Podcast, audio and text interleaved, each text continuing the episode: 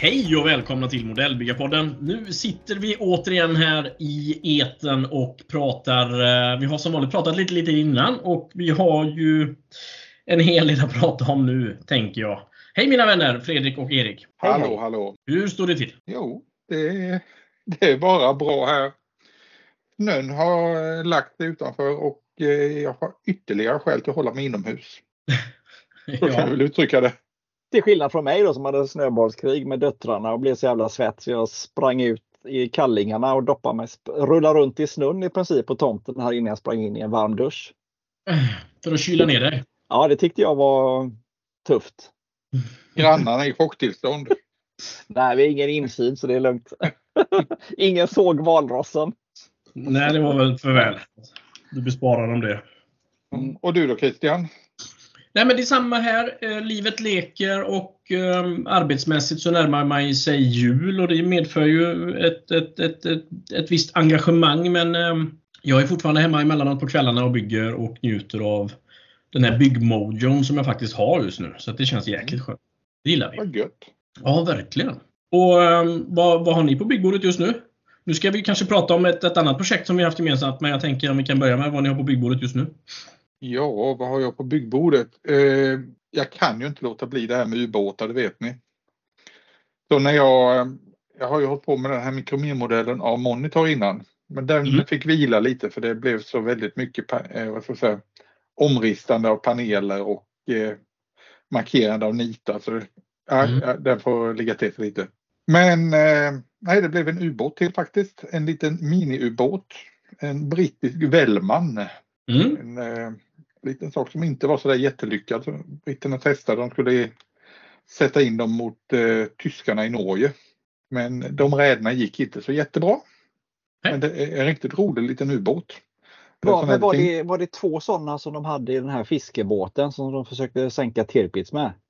Nej, det var den, den som var efterföljare. Ah, Okej, okay. mm. jag såg ju det på museet. Ja, det var en så kallad X-craft. Men eh, grundprincipen var densamma, alltså att eh, det var små ubåtar som skulle eh, ha med sig sprängladdningar som man skulle fästa med magneter på mm. ett fartygsskrov. Mm. Ja. Men den här lilla Wellman-båten den ja, man hade ju i princip ingen navigationsutrustning på det utan det var en liten glugg framåt och några fönster sidorna och i U-läge och förmodligen också på natten så skulle de försöka navigeras in i en norsk fjord. Inga periskop eller någonting. Hur, hur drevs den framåt? Då? Var det eh, diesel eller el? Elmot elmotorer. Elmotorer, Batteri. Ja. Cool. Ja. Nej, så det här var en enmansubåt. Eh, mm. en liten mikromiermodell. Ja, ni vet, jag och eh, det märkliga självplågeriet. Men, du, du och mattpiskan. Ja, jag ska skaffa en mattpiska istället. Det blir billigare i längden. Nej, men det är som sagt en eh, rolig liten pjäs väldigt udda. Och eh, sen är det roligt också för den är 1-35 modell. Den, mm. ju, den blir ganska detaljerad på det sättet. Man kan ju leka lite med att eh, förstärka svetsfogar och lite sånt där mm. på den. Ja. Så det är, vad som ligger på mitt, det var som ligger på mitt byggbord just nu. Ja, på tal om just att sänka tyska skepp så, så såg jag ju en dokumentär och det här vet ni säkert redan men jag visste inte om det. Men när Blücher sänktes 9 april 1940 eh, i, i, i eh, Oslofjorden då, utanför Dröback så mm. kom ju den cirka 150-200 meter e, efter Oscarsborgs fort liksom åkandes norrut och brinnandes. Och, eh, och jag kanske hade kunnat räkna ut det men jag förstod det först nu att båtjäveln ligger faktiskt kvar på djupet där. Ja. Och, och jag, i mitt arbete så är jag ganska ofta i Dröback faktiskt och står och tittar ut över Oscarsborgs fort. Och känslan av att veta att det ligger där på, på botten, det är faktiskt en ganska speciell och mäktig känsla tycker jag. Att det liksom, mm. det, det, ehm, och det är klart att det ligger mycket på djupet, självklart. Naturligtvis. Men just att detta är så nära och i teorin skulle de väl kunna bärga det tänker jag. Men det finns ja. väl inget egenvärde i det. Men... men det är väl en tickande miljöbomb samtidigt, är det inte det? Eh, jag, misstänk, jag misstänker att man inte har lyckats, eh, jag kan ha fel där, att man inte har lyckats tömma tankar och sånt på den. Mm, mm. Och så tänker jag på EOD och sånt där också. Att, att det finns uh, ammunition som kan... Jag vet inte, men jag tyckte att det var nice. Erik, du ser helt jätteförvirrad ut. Eh, ja, ja, nej, men det är intressant att du är så, Mm. att det är sånt du står och tänker på när du tittar ut där över det norska vackra landskapet. Det, jag gör ju också det jobbet eh, med fjordarna och det är fantastiskt. Eh, Mm. men Jag, jag ser mer det här dimmiga miljöer och Ja. coola, nat- Mm. den coola naturen. Och jag tänker inte på vad som är under ytan. Men eh, Inte på det är helt okej. Männen som dog där. Nej, okej. Nej.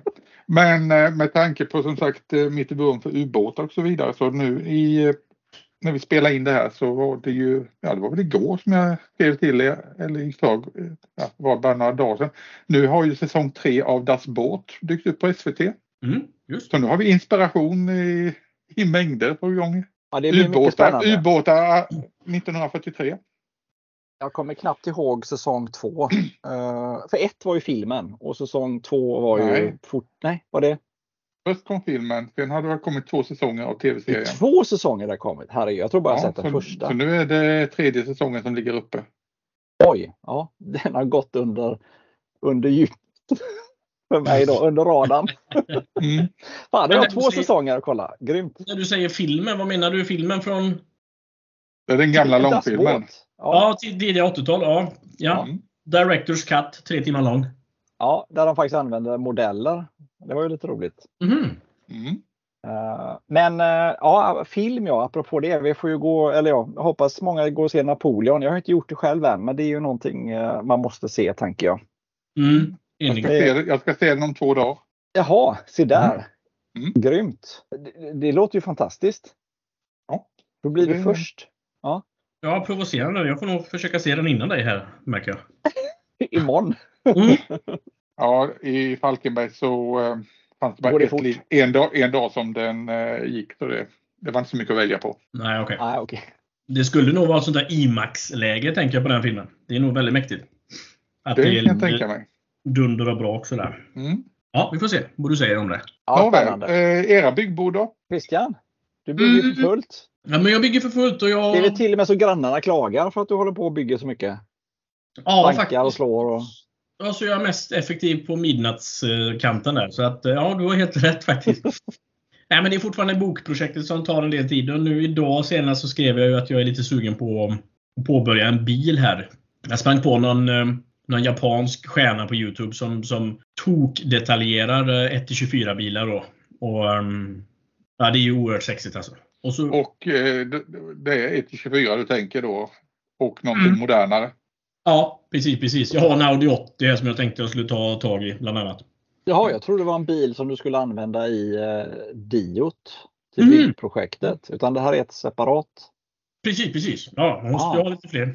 Ja, du klämmer in det Ja. tids, tidsschemat. Mm. Om ni, om ni som lyssnar undrar varför, varför Christian låter som att han har eh, munnen full med någonting så beror det på att han har det. Det är en pirog som han tryckte in. Nu har jag Mm. ätit klart min pirog här. Ja, det är så när man har bråttom från jobbet och ska hem och spela in podd och samtidigt äta kvällsmat. Ja, helt rätt. Ja. Helt rätt. Nej, så, att, så att det är det jag har på byggbordet um, bap, just nu. Jag sitter och funderar på om det är något mer, men nej. Och jag har inte köpt så himla mycket heller. Jag köpte faktiskt nyligen från mogs.se lite, eh, lite bra ha-prylar, men annars har jag inte investerat i någon ny modell eller något sånt heller. Nya verktyg. Så att, nej. Vad har de där på Mogs? Det, det var lite allt möjligt va? Ja, precis. Men det var lite fokus på eh, verktyg och, och hjälpmedel kring måleri känns det som. Så lite Mm. plock. Så att, Mm. ja, jag tycker det är bra. Mm. Jag måste stödköpa lite. Men så såg jag att det var fler eh, på gång också. Fler onlinebutiker. Så jag hoppas att vi har eh, mycket att handla från i Sverige här framöver. Det vore ju fantastiskt bra. Oh ja. Eh, Det är bra att ha lite att välja på. Mm. Och, eh, jag, gillar att om man tar och kan då specialisera sig på ett fabrikat och ta in mycket av det. Sen kan, behöver man inte ha så jättemycket, behöver inte ha bredd, hellre djup. Så är det faktiskt sant. Och jag minns ju när jag hade Hobby Room så var vi väldigt måna om att ha, när man väl har en webbshop, så det som syns på webbshoppen ska finnas hemma och inte så Mm. kallade spökprodukter då som det står leveranstid eh, 10-24 dagar. Men Mm. eh, jag tycker att det är väldigt skönt när vissa butiker har allting hemma som de skriver finns på hemsidan. Liksom. För att då, eh, inte osällan vill man ju passa på att handla lite när man väl handlar. Erik är ju mästare på att uh, spendera alla sina extra tusenlappar per månad på nya saker. jag är den som har talat om inköpsstopp oftast här. Men jag är ja. också den som, när man väl, det, det, är väl det här klassiska, man har inköpsstopp i en vecka säger vi. Och så trillar man då är man så jävla sugen sen och så bara gör man en fet beställning. Så det inköpsstopp kanske är, det är bara dumt för det, man, då blir det värre. Det blir ett uppdämt behov som du fyller ja, sen ja, ja. istället. Ja, ja, precis. Nej, det är faktiskt sant. Vad händer på ditt byggbord då, Erik? Eh, här står nu en PC när vi håller på att spela in här, men annars när man inte PCn står här då jag blickar ut här över mitt 1,20 meter långa eller breda byggbord. Här står mycket färger och verktyg och annat. Sen är det ju faktiskt så att det är det här The Wall-projektet som jag har hållit på med förutom lite mockups på nya byggen som Fredrik bara hatar att jag startar. Men jag vill ju vinna pris för bästa uppstartare av byggen projekt. Så att, eh, mm. ja. flest, flest byggen igång när det är slut vinner ja, menar du? Ja, så är det. Så är det. Nej, men, eh, nej, men det är det här med byggnader i cellplast som gäller just nu och försöka få dem att se lite verkliga ut. Ja, och med det så är vi väl nästan inne i dagens ämne. Det var. Mm. Och inte gå, hoppas ingen har gått in i väggen hittills på det här bygget. Nej. Hade jag haft rättigheterna och kunnat köra Pink Floyd här så hade jag väl gjort det. Oh, vad tråkiga ni är ibland. Alltså. Ja, det gick faktiskt en del Pink Floyd på Spotify när jag satt och byggde min Gjorde Ja. Så det är lite, lite skadad är jag. Ja, det är det. Det, det, får man, det får man köra den tiden. Erik, du som har byggt eh, två byggen till det här projektet då. Eller ska vi dra lite kort om var, vad, vad hela upprinnelsen detta var? För det var ju faktiskt du Erik som kom på den här eh... Ja, det var jag som är faktiskt lite pappa till det här och det var mm. jag. Eh, det kommer ju sig av att vi hade ett eh, redaktionsmöte med Modellbyggarpodden där vi pratade om vad kan vi eh, vad kan vi ha för avsnitt? Vad ska, det, vad ska vi ha för tema? Vad kan det handla om? Vad, vad finns det för folk att intervjua och så vidare? Och så där så bara sa jag det här, fan vi skulle kunna ha, prova ha en, en, eh, en temagrej där vi alla tre bygger en sak tillsammans. Vi bygger ungefär inom samma eh, kategori sak och så, och så lägger vi ut lite mer bilder på hur vi har gjort och visar, lägger ut på Instagram, Facebook, vad det nu finns någonstans. Och, och, och lite mer berätta om tekniker som vi jobbar med och gillar att jobba med och så. Mm. Uh, och då var ju ett förslag, bara för enkelhetens skull, det var ju att vi skulle ha en vägg att jobba med, alltså en byg, byggnad, en del av en byggnad. Och det var därför det blev döpt till The Wall.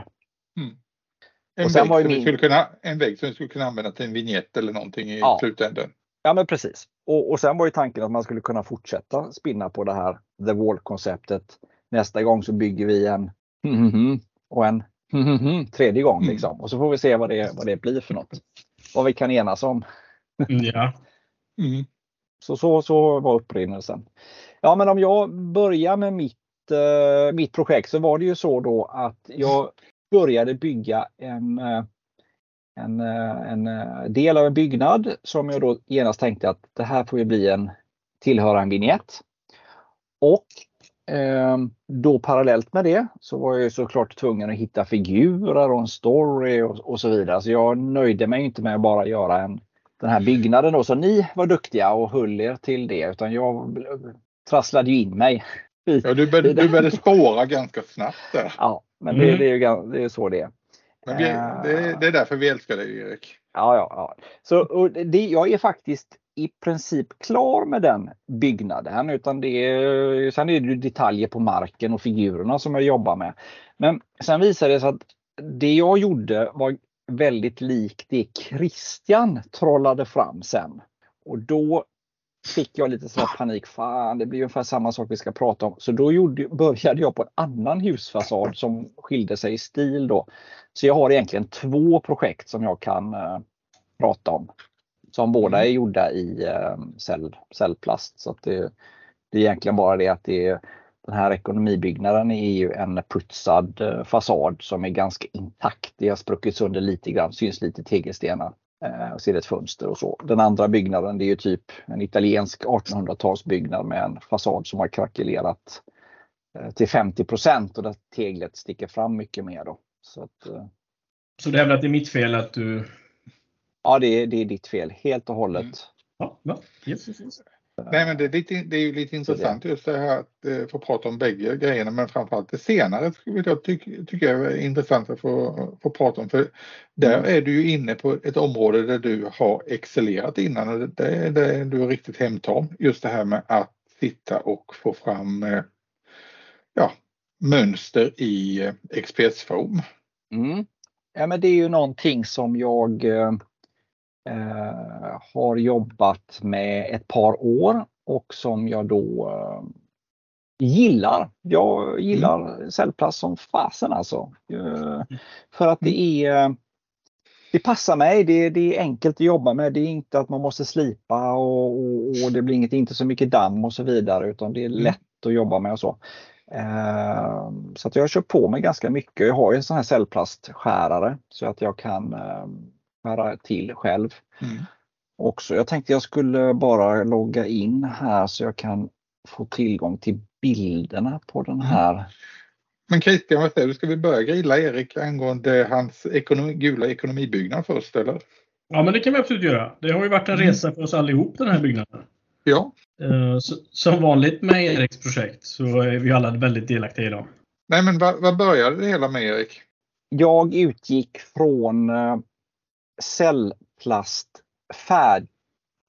Nej, jag, jag, eh, jag gjorde en botten av huset i cellplast som jag skar ut själv men sen så klädde jag den med 5 mm sån här blå cellplast som jag faktiskt hade köpt i färdigskurna 5 mm skivor A4.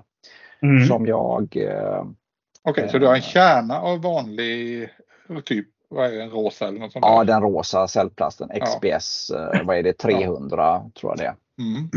Som jag gjorde eh, för att få stadga i det hela.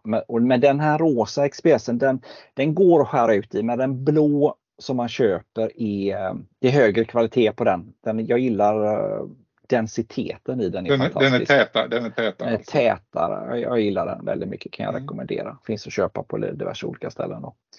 Eh, så klädde jag den eh, och sen skar jag ut då fönstret. Och fönstret är, där ska jag hela vägen bak. Och, och det är det roliga, jag har gjort en ny teknik där, det är att jag har satt eh, för jag vill, från början var tanken att, att fönsterrutan bara skulle vara svart i bakgrunden men det ser så jäkla tråkigt ut så jag ville få in lite ljus bakifrån. Jag ville ju inte koppla in någon LED-belysning eller så, jag ville göra det enkelt. Så då gjorde jag så att jag klätt bakgrunden med en, eh, eh en, med en eh, plastfilm som är inte genom, helt genomskinlig utan den, den är lite matt i ytan så den släpper igenom ljus bakifrån.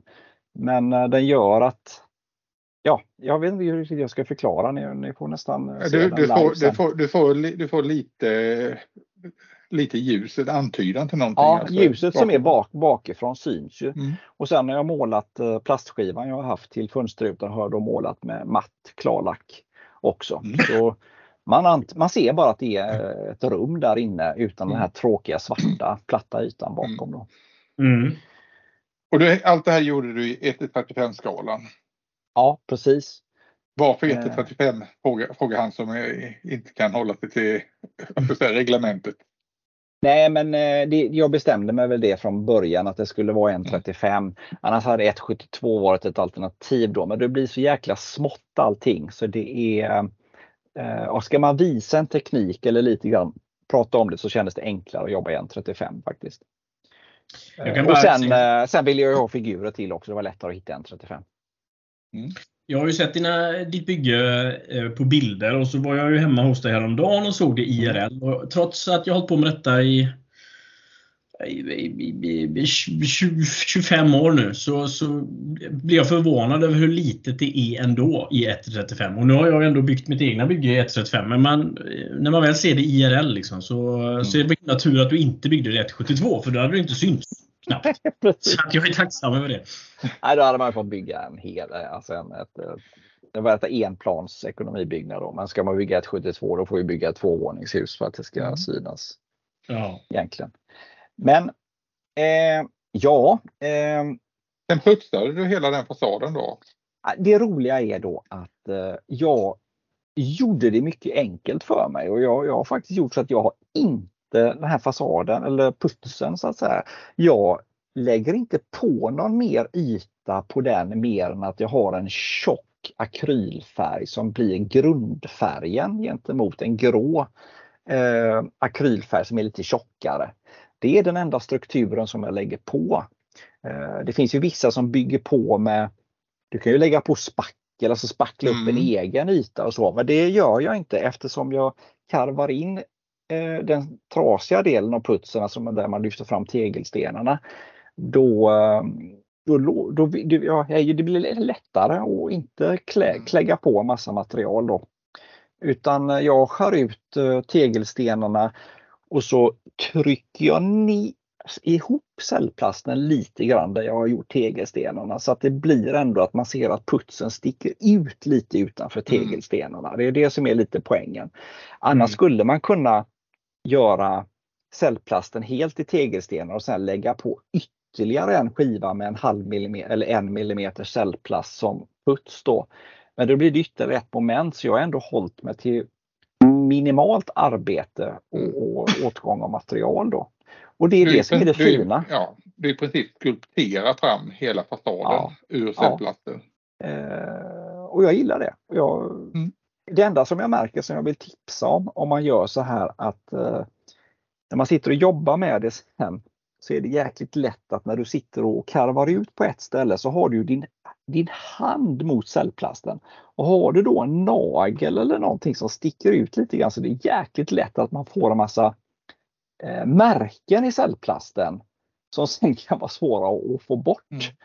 Mm. Eh, det är någonting som jag har lärt mig att det måste man eh, eh vara lite försiktig med. vigselringar och andra sådana där grejer, det får man ju plocka väck. Ja, den sitter ju på vänster hand i ja. Sverige. Så den, den är okej, okay. det är ofta höger Men just det här att ha, um, tänka ja, du är på hög, Du är högerhänt ja. Ja just det, ja det var det ja, det finns människor. Det, det finns, det finns de av oss som är vänsterhänta vet du. Förlåt. Eh, så att, ja. Sen är ju resten egentligen, när du lagt på den här grundfärgen eh, akrylfärgen och sen börjar jag jobba upp med den vanliga färgen. Man lägger på lite washer. Jag har jobbat med pigment.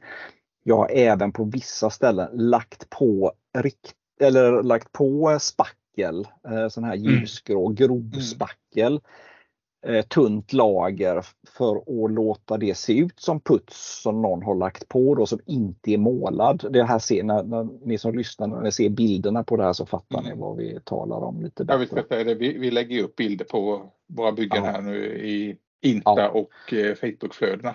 Ja, och sen har jag lagt på lite detaljer på det här. Det är ett hörn på det här huset man ser då med lite en fläkt, eh, vad säger man, en fläktgaller där ja. Inluft och så är det ett litet utrör för utblås. Och så är det fönstret med fönsterbläck, fönsterkarmar mm. och så. Och så är det tak och så en stupränna och hängränna, stuprör och hängränna och så. Mm. så att, eh, Men du, om vi, ja. om, vi tittar, om vi tittar lite på de här detaljerna. Eh, du ja. hade ju lite fläktgrejer sa du. Ett, ett galler, ventilationsgaller och eh, ett ja. rör för Ja, jag ska dela skärm här bara. Ja, och stuprör dessutom. Och... Mm. Var har du fått de där detaljerna ifrån då? Precis, nu ser ni skärmen där, gör ni. Ja, vi, vi, vi här i podden ser det i alla fall. Ja, precis.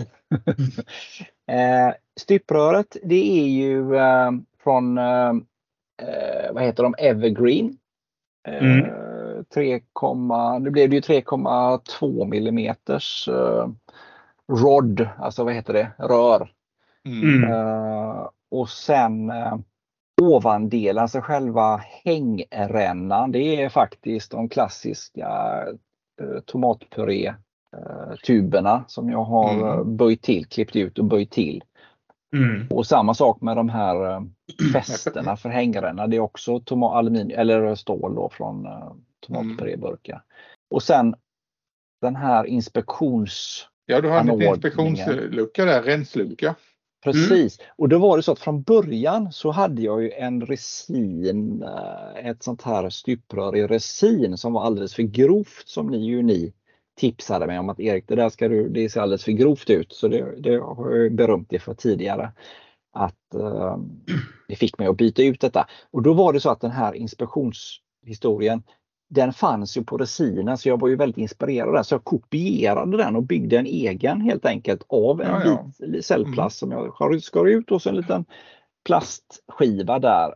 Och sen Mm. de här två bultarna som sticker ut med muttrarna som låser fast den här luckan. Där hade jag faktiskt eh, sådana i resin som jag skar ut och limmade på. Då. Mm.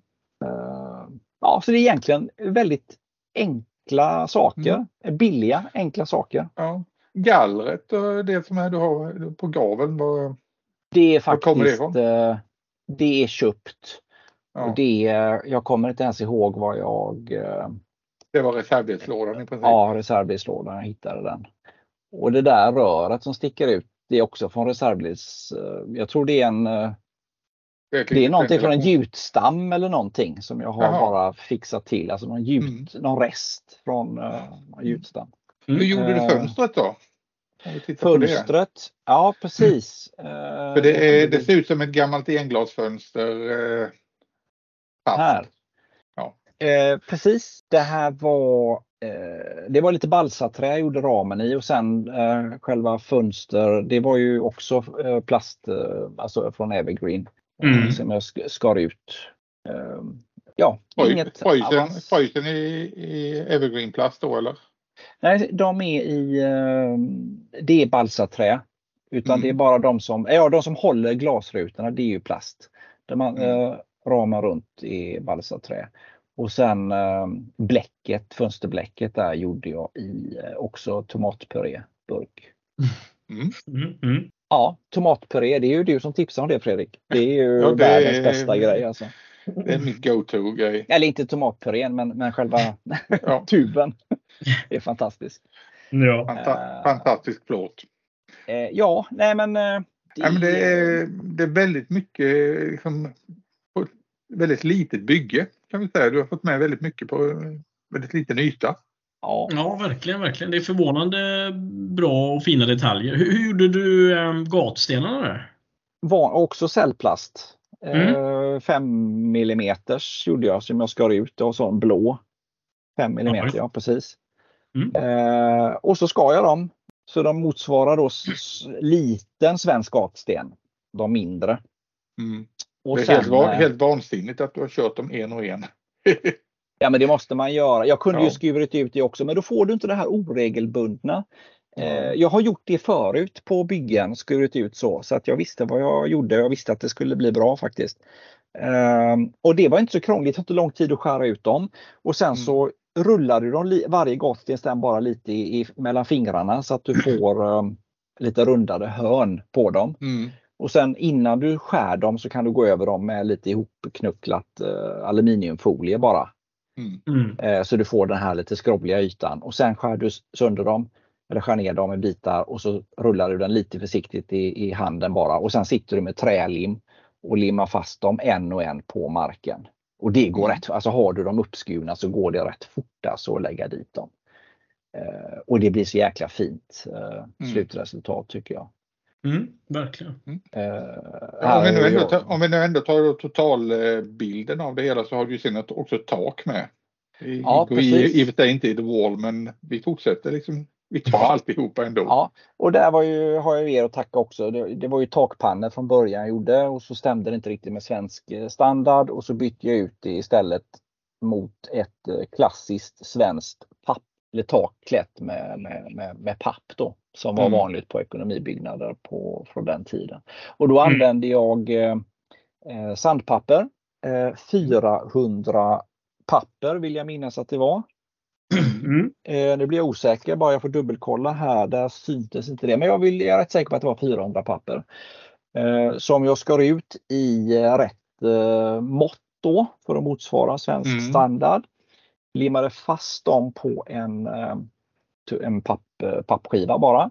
Och sen eh, må, grundmålade jag eh, med eh, den färgen som man har som är den här eh, Tire and Rubber. Ja, just det. Lite Eh, grå. ja, lite gråsvart eh, Mm. färg. Mm. Eh, det var basen så att säga och sen så har jag tagit lite ljusare färger och lite mörkare i, eh, i eh, skarvarna då så att säga. Mm. Men det, den, det behövs inte så mycket för att få ett tak och se hyggligt ut faktiskt. Så att, uh, ja, ja, när du, ändå, nej, men, när du ändå, Erik nämnde det här med att måla. Du har penselmålat rubbet här. Här är eller? det bara pensel, ja. ja precis. Det är bara pensel. Ja, ja. När det är så här liten yta Mm. Alltså hus, eh, de är ju Bredden är ungefär 4,5 eh, Den ena väggsidan är 4,5 cm bred, den mm. större är 6 cm. Så det är, inga, det är inga stora ytor liksom och då är det lättare att penselmåla. Men mm. en sak som jag vill tipsa om när man gör en sån här grej, det är ju det att eh, jag har då jobbat med en eh, mellangrå eh, grundfärg Mm. Eh, och sen det här huset är ju eh, lite, ja vad säger man, senapsgult skulle man kunna mm. kalla det för. Och då är hela poängen att när jag, la, jag har ju byggt upp den här färgen med lager på lager. Så jag spär ut färgen, lägger på ett tunt lager och jag mm. jobbar med små penselrörelser. Låter jag det vänta lite grann och så lägger jag på nästa lager. Men det blir den här wet-tekniken, alltså att jag låter inte färgen torka 100% Nej, det blir lite vått i vått. Ja. ja, lite vått. Så att den, den smetar ihop sig lite grann. Mm. Eh, för annars hade det vanliga varit kanske att man bara tog den här gula färgen, la på ett tjockt lager för att få en, en grund och sen utgå ifrån. Men det, det blir mer realistiskt om man lägger på flera tunna lager, vill jag påstå. Och så att mm. man jobbar med små penselrörelser. Ungefär som att man tänker att en figur är 1,35 som har en pensel. Du gör lika stora rörelser lite, lite som han hade gjort när han målade mm. huset en gång i tiden. Eller ja. de rollar kanske då eller de sprayar, jag vet inte. Men jag utgick från det att jag utgick från, från en penselrörelse i 1,35 mm. så att säga. Och så bara jobba upp det. Jo men alltså det, det, jag, jag, förstår att eh, det funkar jättebra liksom att, att, du får en variation här tack vare att du jobbar med pensel också. Mm. Och eh, på en husfasad så är det ju ganska viktigt att få det för att få liv i det. Att det ska vara den här variationen. Det, färgmässigt är ju inte en husfasad jämn utan den ska ju vara väldigt... Du skulle inte kunna använda liksom samma teknik på eh, en bil. ja, det kanske, men det är inte det man tänker liksom direkt utan där, där vill man utgå från en jämnare färgmässigt jämnare yta. Men här ja. är ju just det här med att du får en ojämnhet i färg i nyanserna. Det är ju, det är det, det är fördelen. Det är ju... Ja, och, och, och, sen precis, det gäller ju att få lite ljusare partier, lite mörkare. Mm. Och sen också då att jag har jobbat med lite med eh, dels mörk wash i i de lägre delen på huset, det som är mot marken för där mm. blir ju mm. mer smuts och så även lite pigment för att få det lite, lite mörkare här nere och även lite mörkare här uppe under stuprännan. Så att man försöker få det mittendelen på husen ska vara det ljusaste partiet så att säga. Mm. Det är lite mörkare här uppe för det blir skuggning från, eh, mm. från taket. Lite mörkare här nere där det blir damm och så vidare. Uh, och sen också det att det gjorde jag ju att när jag la på en wash här, jag la på lite pigment och så. Men sen går man tillbaka och så jobbar man med lite highlights för att spräcka upp det. Sen kanske man går på med wash igen. Så mm. just det här med att inte bara ta ett lager wash, ett lager med, med lite pigment och är det bra. Utan jag har säkert gått på med tre gånger med washer och så, och så lagt lite highlights emellan och sen lagt på wash igen. Mm. Lagt på lite pigment, lagt på lite highlights. Eh, och alltså jobbat i fler, lager på lager för jag, jag är helt säker på att då, det, det, blir mer realistiskt när man gör på det sättet. Du har det får ta sin det, tid. Ja, du har låtit det ta tid skulle jag precis ja. säga. Det är ingenting att oj, nu har jag den här kvällen ska jag få fasaden färdig. Nej, nej, nej, det här har verkligen fått ta tid. Labor of love. Det jag, det jag känner, om vi nu går mot slutet här bara och, och snacka om den här. Vi kan gå vidare till era byggen. Men, men det jag känner att jag kanske har kvar lite, det är sån här rain marks, alltså lite rinningar på huset då. Mm. Mm. Eh, som, som det blir eh, ofta. Eh, så det är lite, lite, lite småfix har jag kvar. Men jag tänker så här att jag får låta, jag får göra klart figurerna och så vidare och så ser man hur Mm. blev de när de är målade? Och sen kan man lägga in lite eh, lite andra färger som matchar med uniformsfärgen och så, så man får lite att binda ihop allting så att säga. Ja, det, det ska gifta sig alltihopa Ja, i ja, slutändan. det är väl det som, som återstår då. Så att, eh, Mm. Nej men eh, sen gjorde jag ju den här andra, en annan fasad men, men den kan vi ta vid ett annat tillfälle för nu, nu blir det så mycket snack om denna fasaden. Så att, Mm. eh, jag pratar gärna om italienska 1800-talshus eh, i ett annat avsnitt. Men nu får Ja. vi gå vidare. Vem, vem ska vi ta? Fredrik eller Christian? Donny Fredrik, det är...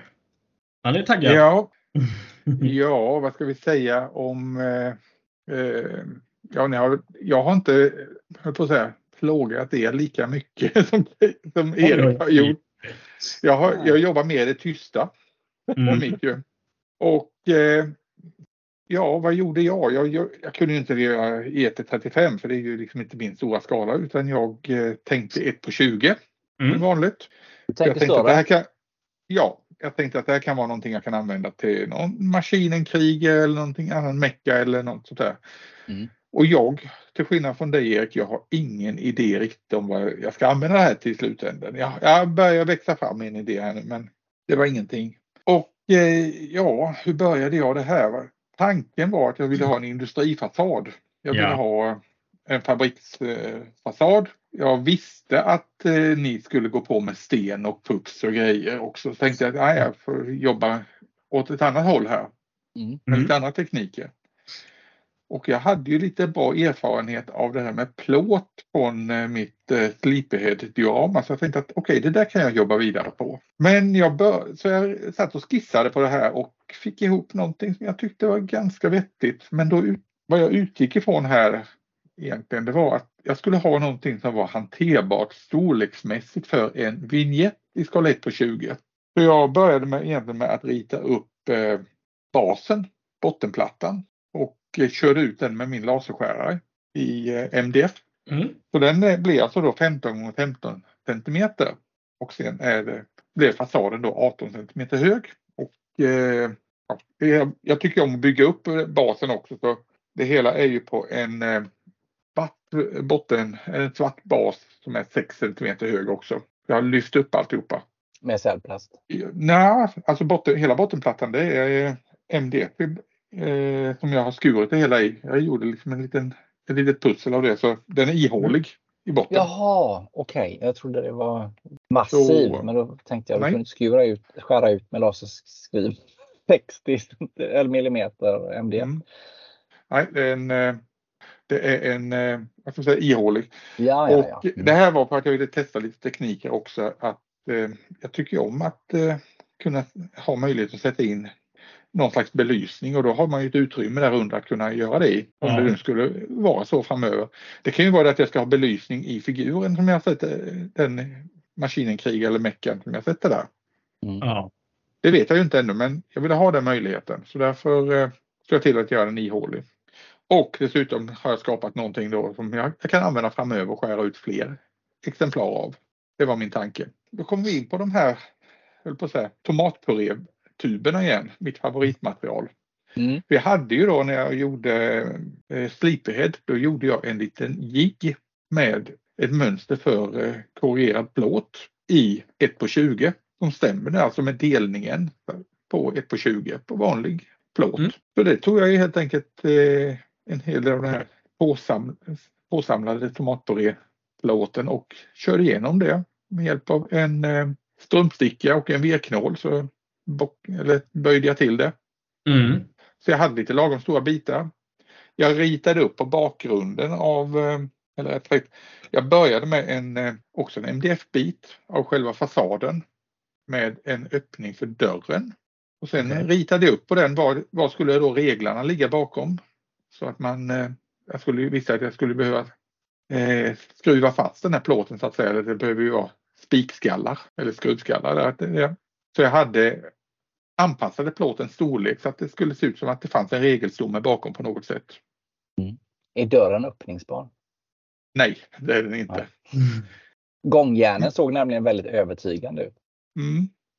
Eh, vi kan ta dem om en liten stund. Vi börjar med eh, det här att eh, jag är ju, jag är ju lite yrkesskadad i och med att jag är gammal byggnadsingenjör så jag övertänker ju sådana här saker väldigt, väldigt lätt när det gäller att eh, det ska stämma med detaljer och liknande. Men samtidigt så vill jag att det här skulle vara sån här bygge som såg sjabbigt ut. Alltså det ska ha sett sina bättre dagar. Det ska vara lite lappat och lagat.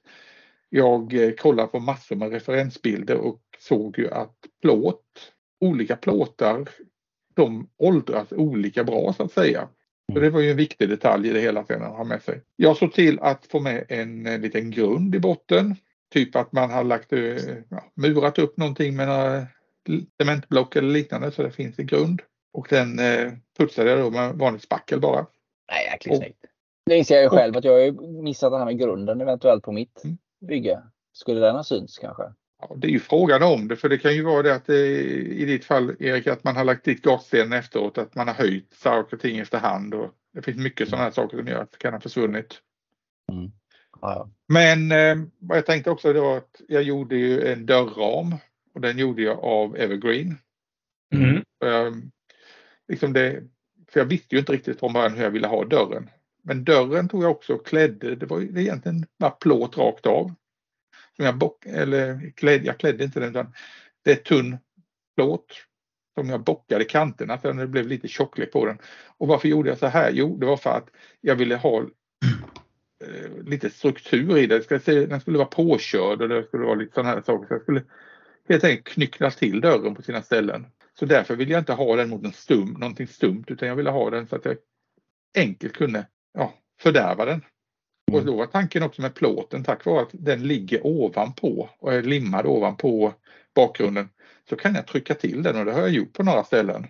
Mm. Så att man ser påkörningsskador helt enkelt. All right. Men eh, ja, jag gjorde nitar, körde jag ut med en sån här liten punch också och eh, eller plåtskruvar eller vad man nu vill kalla det. Så eh, de tog jag limmade fast också. Nej, jag hade Sen har du allt. konsoler där uppe också? Ja, det är konsoler för att jag ville ha lite mer liv, inte bara en fasad rakt upp. Eh, mm. Utan ville ha någonting som avslutade så då gjorde jag en konsol av evergreen profiler. Mm. Och lite evergreen ja, runda rör ovanpå det. Sen. Det var mest för att man får lite mer ja, kablar och sådana saker, lite liv i det hela. Och någon hydral eller luftslang där också ovanpå? Ja, någon, någon typ av ledning. Ja. Men det här med gångjärnen, det var också tunn evergreen eh, rod Ja. Som jag sen då eh, limmade dit till att göra den här skarven mellan över och underdel. Och sen lite, lite sån här Tamiya eh, tvåkomponentsputty som jag skapade en svets med så att jag svetsade fast så att säga. Mm. Svetsade fast det då på dörrramen och på dörren. Mm. Så det såg ut på det sättet. Nej, som sagt det var plåt och plast rakt av. Sen om man tittar på designen så har du gjort en grej då som skiljer sig mot mitt bygge. Och det är att mm. du har ju inte med eh, något av taket utan du har ju verkligen bara skurit ut en del av huset så att säga. Mm. Och det var också en av anledningarna till att jag la den här konsolen med rören där uppe för att få ändå en avslutning på något ja, sätt. Ja, för den ersätter så... ju lite grann den här takkänslan så att säga. Ja, man får någon slags avslutning. Det tror Samtidigt jag är viktigt. fortsätta designmässigt så är det uh, nästan mm. nödvändigt att ha någonting. Annars ser det väldigt tråkigt ut på överdelen. Mm. Nej, och sen tog jag som sagt och eh, gjorde lite skador, böjde lite plåt här och var och eh, jobbade med de bitarna. Men du, jag blir väldigt nyfiken här på, för du har gjort en väldigt schysst eh, eh den är, ljus, är den ljusgrå eller väldigt, väldigt ljusblå? Själva eh, plåten? Plåten Dörren är, är blå dörren är blå och plåten är ljusgrå. Mm. Kan du berätta eh, hur du gjorde det med, den är mm. väldigt rostig så att säga. Var det, ja. det är ju jo, väldigt då, intressant. Jag började faktiskt här då med att eh, grunda alltihopa med svart färg. Mm. Jag kör en, en svart grund på mina grejer och sen ovanpå det så byggde jag upp rost. Alltså mm. använde olika rosttoner med akrylfärg. Mm. Och eh, först tog jag och eh, sprutmålade det. Och sen tog jag även och svampade på rostmönster. Och det var ju som sagt olika typer av akrylfärger. Det var både Valleus och det var Life Color som jag använde. Mm. Ja. Och när det var färdigt och det var samma grej på dörren. Allting gick i ett där. Och då var det 100 rost? Du hade täckt Då var det alla 100 ytorna rost. rost. Ja. Alltihopa såg ut som det hade legat på eh, i hamnbassängen ett bra tag ungefär. Mm. Men la du på någon eh, lack ovanpå det? Någon klarlack eller någonting? Ja, för att den lackade, den, lackade, den lackade detta. Och Mm. sen var det hårspraytekniken ovanpå det. Mm. Mhm. Så då använde jag eh, Acros eh, Heavy Chipping tror jag den heter, den eh, vätskan.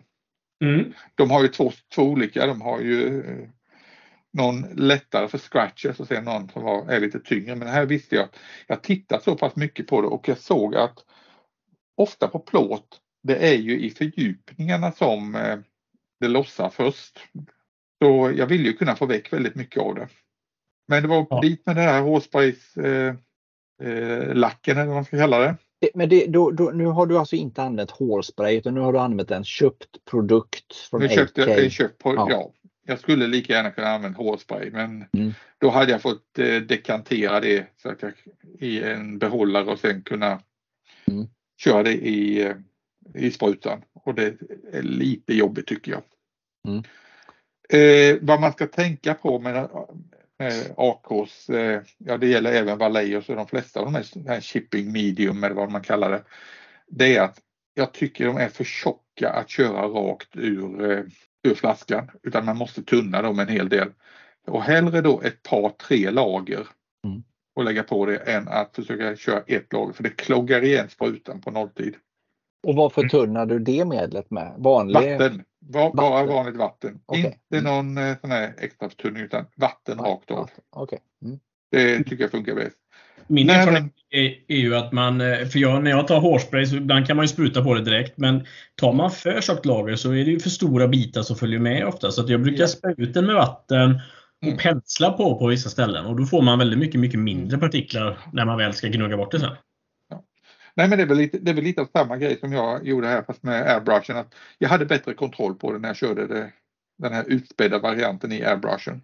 Mm. Och jag tycker när man sprutade på det, man ser klart på liksom att okej nu är det lagom tjockt. Ja. Det, det blir någonting med glansen på det som att nu täcker det. Och det ser ut som ändå- vanlig klarlack egentligen. Det ser ut som vanlig klarlack ovanpå. Mm. Mm. Det viktiga var som sagt att försegla lagret under. Mm. Och låta grunden, eh, alltså den här rostgrunden, att torka riktigt och den lacken även under det här hårsprayen torka riktigt. I, det gick flera dagar alltså så det var genomtorrt. Mm. Så att det inte reagerar med underliggande. Nej. Sen däremot så var det ganska snabba ryck för eh, det räckte som sagt med att den här hårsprayet hade torkat. När, ett par tre timmar, en lunch däremellan så Det var en Eh, lång lunch. det var, ja. Lunch och, kaffe då. lunch och kaffe då. Var det en god Nej, lunch? men ja, det var en god lunch. Mm. Det är alltid god lunch. Nej, men sen, eh, sen var det ju då på med färgen. Och eh, där körde jag faktiskt eh, tre olika nyanser. Om vi tar den här ljusgrå. För då körde jag först eh, och jag tänkte Du att kör det du airbrush? Jag körde airbrush Mm. och då maskade jag, maskade jag bort dörren. För dörren tog jag och målade för sig men den målade på samma sätt ungefär. Mm. Med flera olika nyanser. Och jag började då med mörka. Men Mm. sen på plåten så tittade jag lite hur det såg ut. Jag ville ha lite mer variationer. Det, var svår, det är lättare på den här platta ytan för dörren att få variationer. Så jag tänkte jag, hur ska jag göra här? Jo, då hade jag ju sådana här, eh, eh, så här splattermasker. Sådana här små etsade. Som ger Ja, Små hål i, ja. Mm. med Mm. små hål i. Så den använde jag. För då fick jag lite, jag tittade på en del av de här, det var ju nästan så att eh, om ni tänker en eh, förzinkad yta, då är det ju lite mönster. Det ser nästan ut som små flak, ja, olika fält med olika nyanser. Och Mm. det såg jag att det fanns motsvarande på en del av de här plåt, eh, plåtarna. Så jag körde den. Jag fick mycket liv i det genom att i då olika lager lägga på med den här splattermasken. De ljusare och ljusare nyanserna.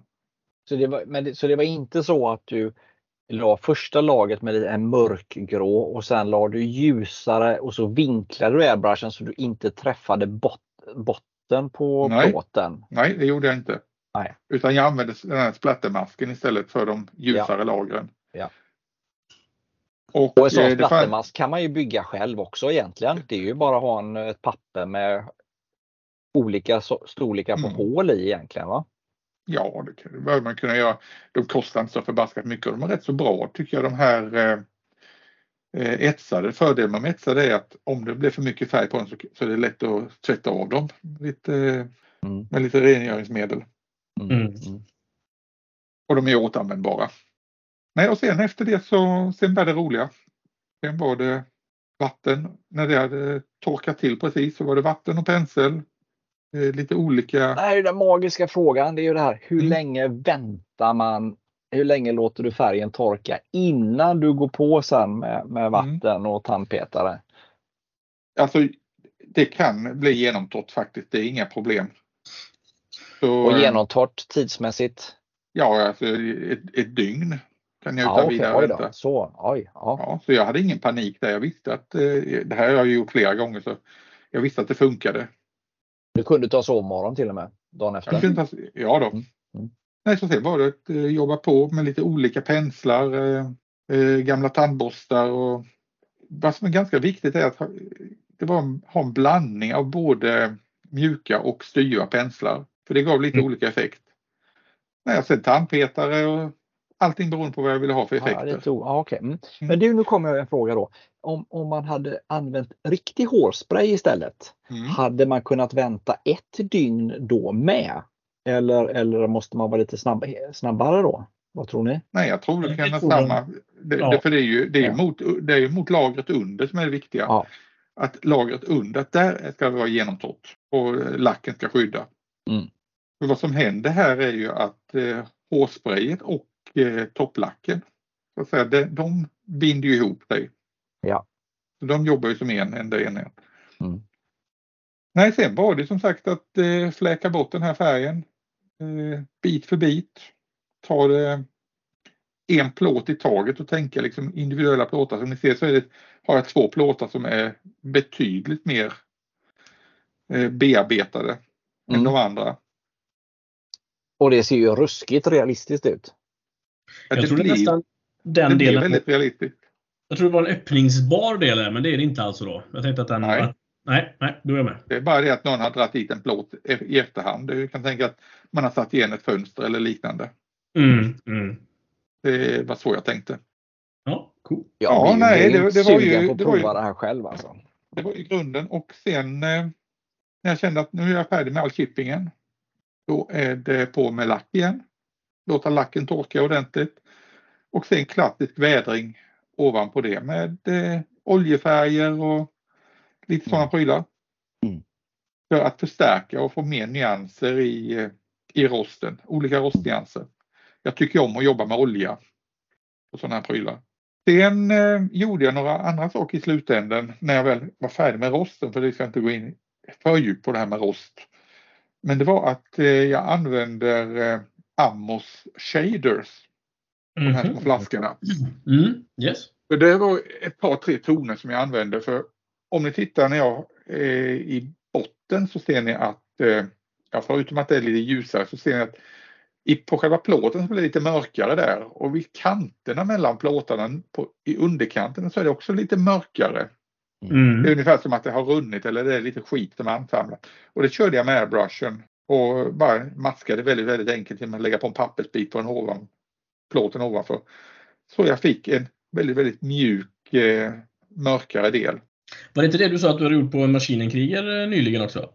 Eh, jag har kört det på lite allt möjligt. Eh, kört det på maskinenkrig, jag har testat det på. Jag har testat det på fartyg, på fartygsskrov. Så Ja. jag är väldigt nöjd med just de här shaders. Ja. Vad är orsaken till att du eh, använder airbrushen och inte penslar på det istället? Ja, de här shaders ska användas med airbrush.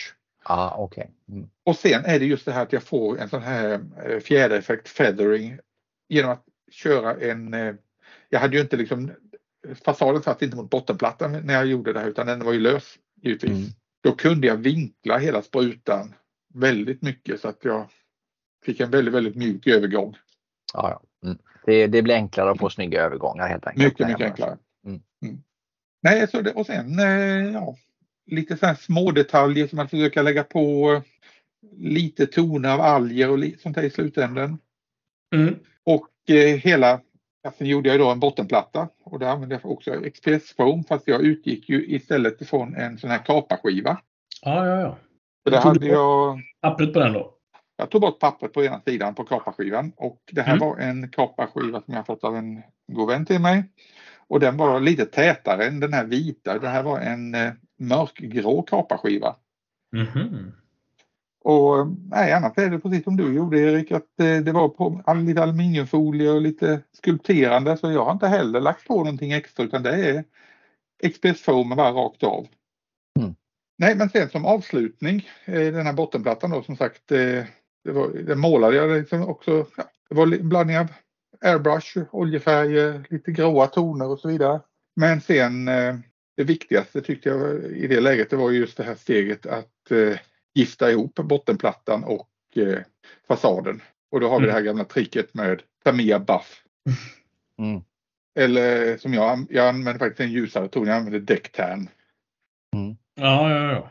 Och då tog du väldigt, väldigt utspätt, la ett Väl- lager. Väldigt utspätt, det var alltså 10 eh, färg, 90 eh, förtunning ungefär. Ja. Mm. Och, Och körde du med det över körde med hela? Nej, alltså framförallt la jag ju det i skarven. eh, Ja. När du tittar på bilderna så ser du att dörren längst ner till exempel är ljusare. Ja, just det. Ja, du tog upp det i en, Jag, jag fick dem att gifta ihop sig. en och en halv centimeter eller någonting Ja. på fasaden. Ja. Typ. Och Ja, tack vare att det var så, i och med att det var så utspätt så hade jag total kontroll över det kändes det som. Mm. Mm. Nej, det var väl det hela. Eh, Förutom sen var det montera de här rören på toppen och där använde jag sån här rust texture för att eh, se till att vädra, vädra till dem riktigt ordentligt så att jag Mm. fick bra textur på dem och sen var det samma behandling med eh, rost precis som på fasaden. Mm. Och den här tekniken du har använt på fasaden nu, det är ju i princip samma princip man använder om man vill göra en gammal rostig bil som står i skogen till exempel. Ja, Eller hur? Det är Visst. samma. Vi använder det på väldigt mycket. Vi använder det på stridsvagnar, vi använder det på ja, Mm. alla möjliga prylar. Mm, mm. Och Ja, det, är ju, det, är ju, det är ju en av de här klassiska teknikerna för just eh, vädring. Så är det ju Mm. Det som kallas för då eh, ha, eh, ja, hairspray method. Jag tänker just med rostbotten så att Mm. säga till, till Ja. en gammal rostig bil ute i skogen så att säga. Så är det ju Mm. exakt samma. Det finns ju ett annat sätt att jobba med också där med att göra en eh, sån botten och det är ju att eh, istället eh, för hårspray jobba, eh, liksom lägga, köra samma grundprincip. Att man lägger på rost i botten, eh, lackar, lägger på en topplack men sen att man använder förtunning väldigt, väldigt tunt istället. Och liksom blöter bort färgen på det sättet. Jag har sett eh, när man har gjort eh, till exempel biltak. Där man ska ha, inte chippning utan man ska se liksom hur det, det har spritt sig det här rostet som är från centrum och utåt. Men det Men kan, vi ta en, man- annan- det kan vi ta en kan, annan kan färgen gång. ha torkat då också eller ska man gå på med förtunningen innan färgen har torkat helt då? Eh, Det var något steg däremellan som man skulle ha. Jag kommer inte ihåg exakt. Vi tar det Nej. i ett annat avsnitt. När vi bygger rostiga bilar tillsammans. När vi bygger rostiga bilar. Hooray! Ja, nej, så det här blev eh, mitt take på det. Ja, bra jobbat. En eh, sketen industrifasad. En klassiker. Ja. Ska vi se om vi kan använda till någonting också bara. Ja, det blir spännande, mycket spännande. Du uppfyllde uppdraget eh, väl. Bra jobbat. Tackar, tackar. Då är det Christian Men då. eh, ja, då har vi han som har gått mest på eh, verkligheten höll jag på att säga. Inspirerats av den. Ja, jag har ju inspirerats lite av min hemby. Eh, Arlinge, Texas, Alingsås. Och då har ju ehm, då har ju, vad heter det, fokus varit på att arbeta med eh, XPS eh, som vanligt, Balsa som vanligt, men nytt för mig den här gången var kork. Eller nytt och nytt, men det är inte så ofta jag använder kork på det eh, sättet. Ehm, så, så i den aspekten så var det lite nytt för mig. Jag ska se om jag kan få fram bilden här också så att alla kan se utan ni som lyssnar. Eh, Det känns ju Ni som Ja. lyssnar får gå in, ni får gå in på Insta eller eh, Facebook. Precis, precis, precis. Mm. Men det började med att jag alltid velat egentligen, jag alltid velat scratchbygga en eh, hundlatrin av någon speciell anledning. En sån här svart som är trekantig kan man väl säga. Eh, och ett svart lock som alltid låter så här högt när man ska slänga ner det. Jag tänker, du som hundägare Fredrik vet vad jag pratar om. Ja, jag vet en sån där liten konstig papperskorg med lock som Ja, ut som hermetiskt tillsluten. Ja. Just så. Just så. Så, så, så tänkte jag att nej, då får vi hitta på något annat då. Så blev det ju det här klassiska eh, elcentralen, elskåpet som finns överallt. Som man oftast inte lägger märke till. Eh, så det var egentligen där jag ville börja och scratchbygga en sån. Och då eh, gjorde jag det. Och, och Mm. det är förvånansvärt vad små de är i skala 1 till 35. Men eh, eh, det funkade bra ändå. Mm. Eh, eh, Och det jag sa med kork där som sagt, det var ju, och nu, nu vet jag att Night Shift är väldigt duktig men det finns, det finns andra som jag beundrar mer. Eh, Men, men han har ju ändå påvisat konceptet med att ha spackel på kork. Mm. Eh, och vilken effekt det ger. Så att hela den här gröna husfasaden är en korkbit med spackel på som jag sedan då när det spacklet har torkat har jag vänt och vritt och böjt och donat så att det blir ganska naturliga sprickor. Så Eh, du satte inte dit sprickorna i korken innan då? Nej, det gjorde jag inte. Utan de kom naturligt då av böjningarna och sen så förstärkte jag dem med att gräva ut och dona lite och fippla och måla dem så att det skulle sticka ut lite mer. Då. Vi kan ju kvickt bara beskriva att du har alltså en grön putsad fasad. Mm. Eh, typ en eh, ja, envån, envåningskåk eller något sånt där va? Ja, Med, med, med källare under. Mm. Och eh, jämte den har du ett eh, träplank, ett gammalt träplank av äldre modell och så ett elskåp framför den. Just så. Just så. Eh, och, och med det sagt så, eh, ni ser glaset där så hade jag faktiskt en sån tur att jag kunde eh, med en förpackning som innehåller de här klassiska munkarna med en sån här kexbotten under till. Ni vet vad jag menar? Mm. Eh, så, så en sån plastbit, så att det ser ju lite grann ut som de här glas, eh, vad kallar man sådana glas? Blockglas typ. Ja, Jag vet inte hur Ja. realistiskt det ser ut, men det var i alla fall, tyckte jag var lite tacksamt att det var i alla Mm. fall hyfsat samma skala. det är en gammal fönsterram som man bara satt igen det med. Det har från början misstänker jag då varit eh, vanliga kopplade fönster eller någonting där. Och sen Ja. har man satt igen det, murat Jo. igen. Just så. Eh, ja, nej. s- sen var jag klar. Jaha. Tror du att du kommer undan, tror du att du kommer undan så eller? Ja, det hoppas jag.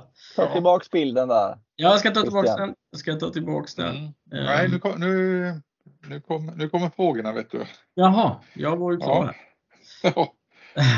Nej, du, du har ju faktiskt de facto gjort eh, egentligen två stycken väggar här som är av intresse. Och Det är både eh, den här fasaden men jag är intresserad av eh, ditt plank också för den delen för det är också en wall. Också Ja, jag vill precis egentligen använda alla tekniker jag kan behärska här var väl planen. Så att därför så tog jag även med en klassisk balsa eh,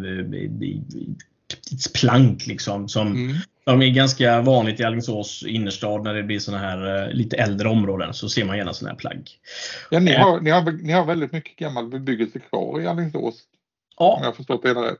Absolut, absolut. Så den kallas för den trivsamma trästaden och det är väl blandat med både trä och den här, som sagt, den här lite fula ekonomibyggnaden som ni ser där, den här gröna eh, dito. Växer potatisen bakom planket? Potatisen. Eh, Alingsås. jaha, just det. Ja, precis. Det är helt rätt. Du, alltså jag måste säga, det här är så jäkla verkligt så Mm. det är inte sant. Sen är ju du mästare på de här utomhusfotograferingarna med, med dagsljuset som då Mm. eh, gör att det ser väldigt realistiskt ut. Mm. Och det är beundransvärt Christian. Alltså det är, och, och den här du- gröna fasaden, jag måste säga, det, det är så jäkla, du har med så många olika nyanser och det Ja, Alltså berätta lite, hur gjorde ja du? hur har du gjort om? Ja, nej, men jag räknade nog så hade jag kanske eh, 11-12 olika lager med, med eh, färg och vädring och så. Precis som du beskrev också eh, Erik, att det är ju väldigt många lager såklart. Ehm, det, det, det är ju en grundmålning först av en, en ljus, en turkos färg i grunden. Och sen har jag jobbat med mycket oljor, mycket mer färger utöver detta. Till och med gjort den här Jeff Raten varianten där jag har då lagt färg på eh, bakplåtspapper som jag sedan då har tryckt emot eh, satin varnish som är då på Ja, ja. Eh, det, det ser man lite i mitten där. Så att, eh, och sen så tänkte jag att lite avskavna affischrester är alltid Mm. eh, sexigt att ha med också, så det försökte jag få med där. Och det är Otroligt sinne för detaljer både där och på elskåpet också. Ja, tack, tack. Det var, elskåpet var ju svårt att försöka få realistiskt med, med dekaler och sånt där. Men ofta så jag vågade mig inte faktiskt ge mig på eh, klotter. Det gjorde jag inte. Och jag vet inte om det hade gjort varken från eller till. Men, eh, men sen, det som jag tyckte själv var mest utvecklande, det var ju faktiskt snön här som jag har använt. Mm. Eh, Jag använde mig av två stycken köpeprodukter. Eh, Värt att nämna att jag gillar ju egentligen inte köpeprodukter så sett. Eh, Jag gillar att scratcha allt. Men eh, snö, det finns ju bara i så fall bikarbonat och andra konstiga saker. Så att det här var kö två köpeprodukter. Och jag tyckte att det var rätt kul att jobba med snö, måste jag faktiskt säga. Mm. Och ni som ser bilderna så är det ganska sparsamt med snö.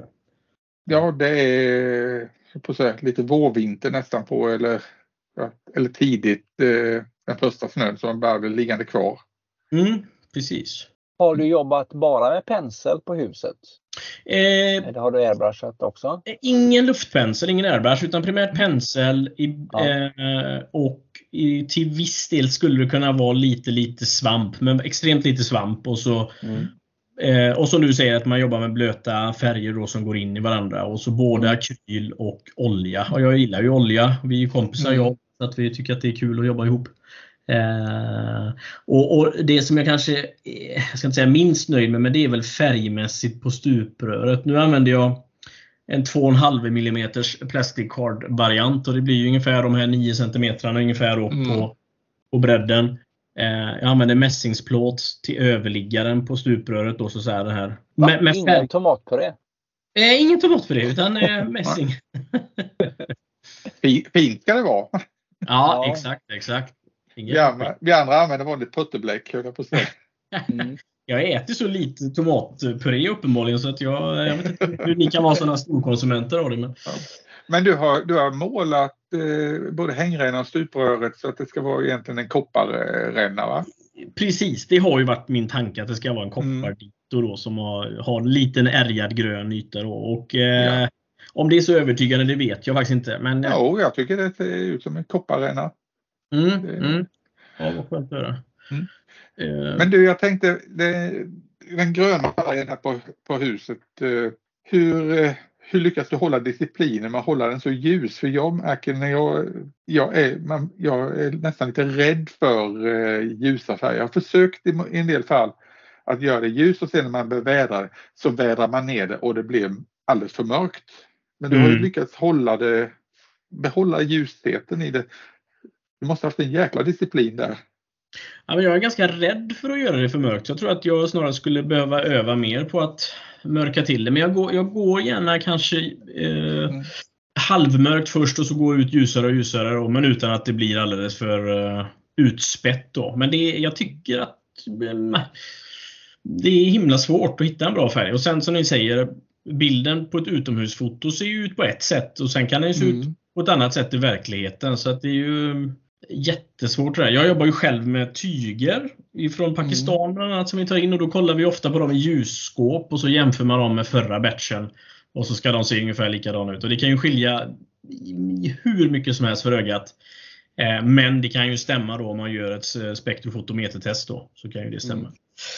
Eh, ja. Men, men tycker, tycker du det varit svårt att liksom hitta rätt nyanser? För det här är ju som sagt väldigt ljusa nyanser. Normalt sett om vi tänker att vi, vi jobbar med eh, fordon och liknande. Det, det finns ju mer, eh, vad ska jag säga, det är mer spot on, alltså nästan kunna ta Mm. direkt från burken. Men här som sagt färger på en fasad och ett plank, då, eh, då hamnar man ju nästan lite annat läge för det här är ju inte någonting, det finns ju ingen eh, Vallejo-färg som där vi har Allingsåsplank. Nej. Men om man vänder på det så tror jag att det är en gigantisk fördel eh, om man jämför med, med fordonsbyggare. För de vill ju jättegärna ha samma fina nyans över hela. Här har man ju möjlighet att, som du säger, kanske använda eh, en Vallejo på något sätt i den och så en annan grön i någon annan färg och så blanda lite och ge och ta. Så jag tror att det verkligen är till modellbyggarens fördel här att ha mm den möjligheten faktiskt. För att eh, Tittar man som vanligt på en väggyta ute eller på en stridsvagn eller någonting så, så, så är det ju oftast tusentals färger per centimeter liksom, mm. yta. Och, och, och, och de som i, lyckas bäst tror jag, det är nog de som försöker återskapa alla de färgerna i en och samma eh, bild. Och det är ju svårt utan att det ska bli liksom för mycket så svampeffekt eller att det ska vara bara en mischmasch och det blir brunt. Liksom. Mm. Nej, men ja. du, kom, du kommer ju undan det där med skaleffekten här lite grann i och med att du sitter och eh, vad ska jag säga, jobbar med det i, eh, i nuet. Mm. Annars är det ju så här, okej, okay, hur ser en Panzergrau ut? Ja, just det. Då, och då liksom, ja, vi har tittat på det här originalet, vi har det här färgchippet från en riktig vagn. Nej, det funkar ju inte som sagt om vi ska ner till 35. Mm. Men, Nej, eh, det har du rätt i. Nej, det, det, känns som att du har fått, i, fått till färgerna här och mycket nyanser. Men sen har du jobbat med en hel del grönt i det också. Alger och annat sånt där. Det har Precis. låtit det växa vilt. Ja, jag älskar ju faktiskt att göra det här gröna och det är ju eh, min spaning är att det oftare är mycket mer grönt än man tror. Och nu, nu vet jag att jag fick mycket kritik, eh, eller konstruktiv feedback ifrån mina modellbyggarvänner här om att det var väldigt grönt på backen. Och det, det rättade jag faktiskt till, för jag kan hålla med om att det var alldeles mm. för...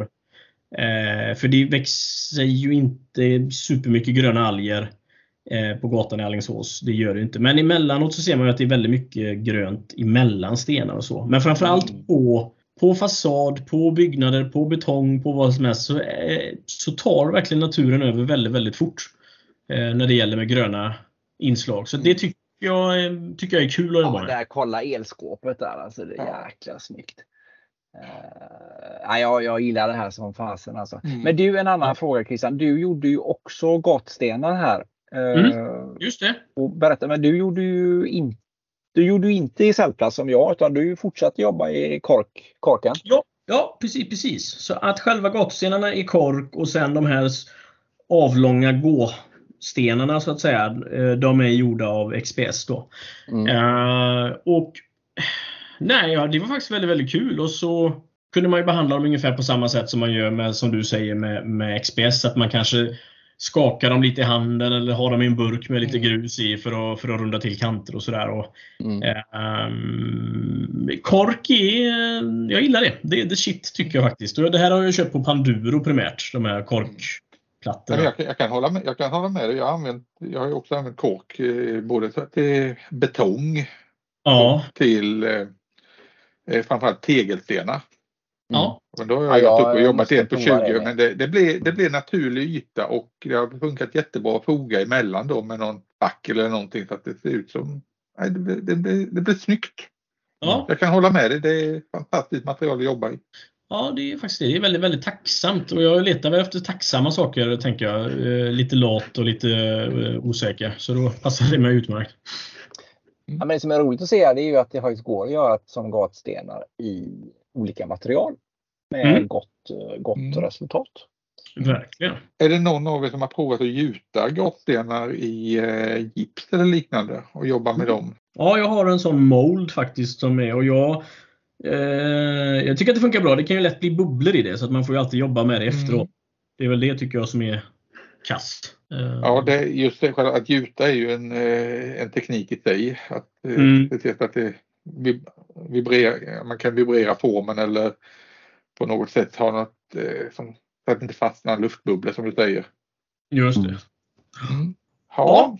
Så det var vårt bygge. Det gjorde vi väl bra alla tre? Eller? Det tycker jag. Vad, har vi, vad drar vi för slutsats av det här? Sagt, mer än att vi var jävligt duktiga.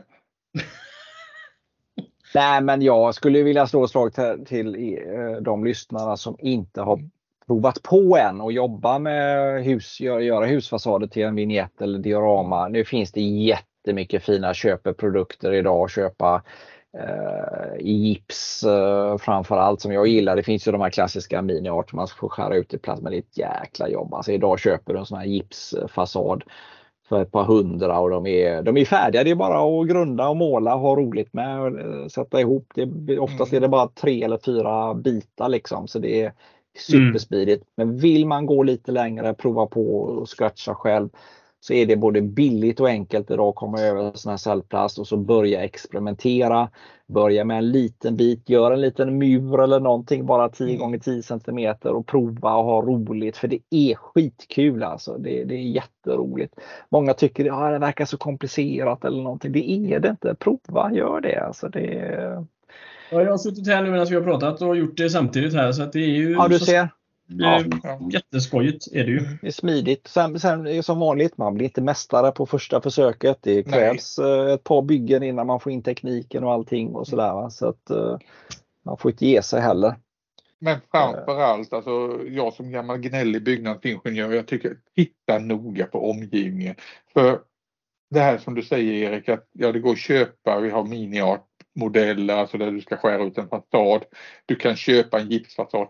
Men Alltså ska man ha någonting som verkligen stämmer med verkligheten, titta på omgivningarna, kolla på kåkar, kolla referensbilder. Mm. Det är jätteviktigt. Det är ju som, det är ju som jag, jag brukar tjata om det här med att eh, tegelmönster till exempel. Det är mm. någonting de ofta missar, de här eh, vad ska jag säga, firmorna som tillverkar färdiga modeller. Mm. De har ofta, eh, så det bara är liksom tegelstenar som är liksom löpande Eh, liggande Fasadtegel liksom? Ja, fasadtegel. Nej, mm. men ska man ha en bärande tegelvägg, lite äldre, ja, då sitter tegelstenar på tvären också. Så bara gå ut och titta på hur en vägg är gjord. Man lär sig otroligt mycket genom bara iaktta. Mm. För det, det, är det här klassiska, det är att eh, vi, när vi är ute och promenerar mm. varje dag så ser vi byggnader, människor, hur mm. folk rör sig, hur folk står, hur byggnader är konstruerade. Vi, vår hjärna vet hur ett stuprör ska se ut liksom mm. och dörrar, proportioner och så vidare. Så när man väl sen sätter sig och bygger och så bygger man fel proportioner och sen tittar man på det. Eller man själv kanske inte ser det för man är så inne i det. Men när mm. du har det på en utställning eller tar bilder och lägger upp på nätet så är det fel proportioner. Det behövs inte mycket. Då kommer folk reagera. Fan, det är någonting som ser fel ut. De kanske inte kan sätta fingret på det men det ser inte mm. trovärdigt ut. Så det här med, med som du säger, alltså, kolla referens, ta mått. Ska en dörr, fönster, då ska det stämma måttmässigt med liksom hyggligt och avstånd på saker och ting, storlekar på gatsten och så vidare. Annars så ser ja. det overkligt ut, det ser konstigt ut. Liksom. Mm. Mm. Ja, och sådana här saker som avstånd mellan eh, eh, takstolar, ja. Eh, bredden på takpapp. Eh, jag var ju ja. påtjatad om det. Hur eh, till exempel en dörr är placerad i förhållande till en takstol. Det var jag ju på dig häromdagen Christian. Det. Mm. Men det är sådana här saker som att ja, det kan ju se bra vid första anblicken men sen börjar man titta närmare. Det är, det är som du säger, det är någonting som skaver, det är någonting som inte ser rätt ut om man missar det. Och jag har suttit du vet, med cellplast och suttit där sen kväll mm. och skurit ut i två timmar liksom. Om mm. man sitter och det ser, och jäklar vad bra det är va. Sen dagen efter när man tittar på den här cellplastbiten man har skurit ut. Äh, vad fan höll jag på med liksom? Jag, det gick för mm. fort. Man glömde kolla mått mm. och sånt. Va? Så att det, Mm. Det är tips, det är verkligen ja. tänk till. Ja, men det, det, var ju som jag såg eh, en bild på nätet. Det var en jädrigt fin modell som var byggd en fasad. Och där var då en stor överliggare över en dörröppning. En stor bred en dubbeldörr som var en stor överliggare i ek och det var väl proportionerlig och så vidare, så realistiskt ut. Men då hade de liksom, tittade man på varje ände så stack den bara ut typ 5 centimeter utanför varje, mm. varje sida låg. Så upplagen var ju helt fel. Mm. Och visst, 200 år gammal kåk men folk var inte idioter när de byggde då, tvärtom. Mm. De var mycket smartare än vad vi var i många fall. Man mm. gick på erfarenhet. Mm. Så det, det gäller som sagt att titta, hur gjorde man förr? Hur såg det ut? Det ska vara, liksom, ja, det ska funka. Sen kan jag ju säga att jag, tack vare att jag har säga, hela den bakgrunden som byggnadsingenjör som jag har, så det är inte alltid bra utan jag kan fastna i vinkelvåld och det kan stoppa stoppa mig och hämma mig emellanåt när det gäller kreativiteten. Ja, för oss är det inte bra heller när du är på oss. Så att, eh... Nej, men det räddar ju oss också. ja, det är klart. Det är, klart. Att, ja, men det är bra. Nej, men referensbilder och tänka mm. på mått och storlekar så att det blir hyggligt bra i alla fall. Det är viktigt. Mm. Man får tänka på att det är saker i mindre skala. Man får göra förenklingar också. Det, det, det är helt okej. Okay. Det måste göras på det sättet med. Mm. mm. Ja, men det som är det fantastiska med som vi nu har scratchbyggt de här, eh, mm. det är ju det till skillnad från en köpprodukt det är ju att köper du en färdig byggnad så är du bunden vid att ha en basplatta, en viss storlek, en viss bredd och, mm. och så vidare.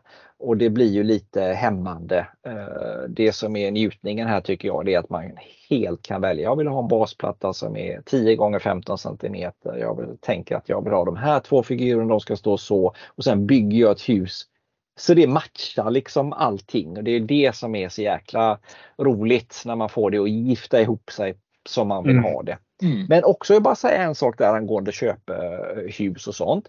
Att ett tips där, bara så man inte glömmer bort det, det är ju att eh, man kan ju köpa ett hus och sen kan du ju pimpa det eller komplettera det med en liten mm. del som är scratchbyggd till exempel. Det är ju en viktig sak också för då kan du också anpassa det. Du är inte, om det är en hus, ett hörn på ett hus och så följer det med en mur till exempel som sticker mm. ut 20 cm men så vill du bara ha en liten bit. Antingen kan du spräcka den där gipsgrejen eller så bygger du något eget själv som inte, du bygger, gör en liten utbyggnad på huset istället för att ha en mur och så vidare. Det går ju mm. att kombinera det här eh, om mm. man vill också. Det får man inte glömma bort. Det, Nej, och det, går ju köpa, det går att köpa detaljer också. Du kan ja, köpa ja. fönster separat till exempel. Stipprör och, ja. och sånt.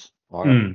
Så det man det... tycker är jobbigt är att göra, liksom, man behöver inte göra allting själv utan det man tycker liksom, det här är för krångligt för mig, ja då finns det ofta en eh, kommersiell produkt att köpa. Just fönster tycker jag är en grej som är, det är jobbigt att göra själv tycker jag. Det är, jag, jag, jag tycker det är både tråkigt och jobbigt. Uh, så jag gör det ju bara i de fall jag måste. Men det är en mm. grej som jag faktiskt rekommenderar kanske att köpa.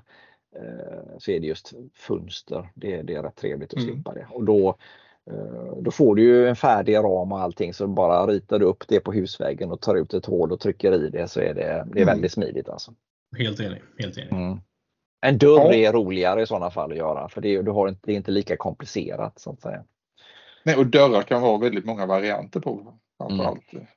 Ja, ja, nej, men, eh, vi får väl se vad vi ger varandra för utmaning i The Wall punkt 2 någon gång i framtiden. Mm. Ja. Eller vad det nu blir för någonting. Ja. Ja, men eh, ska vi eh, nöja oss med det här? Vi har tjatat på en riktigt bra stund här nu. Tusen tack för detta. Ja, tack för snacket. ja. Och ni mina vänner, tack ska ni ha. Tack, tack, tack. tack. Vi hörs. Hej, hej, hej. Vi gör det. Ha det gott. Hej.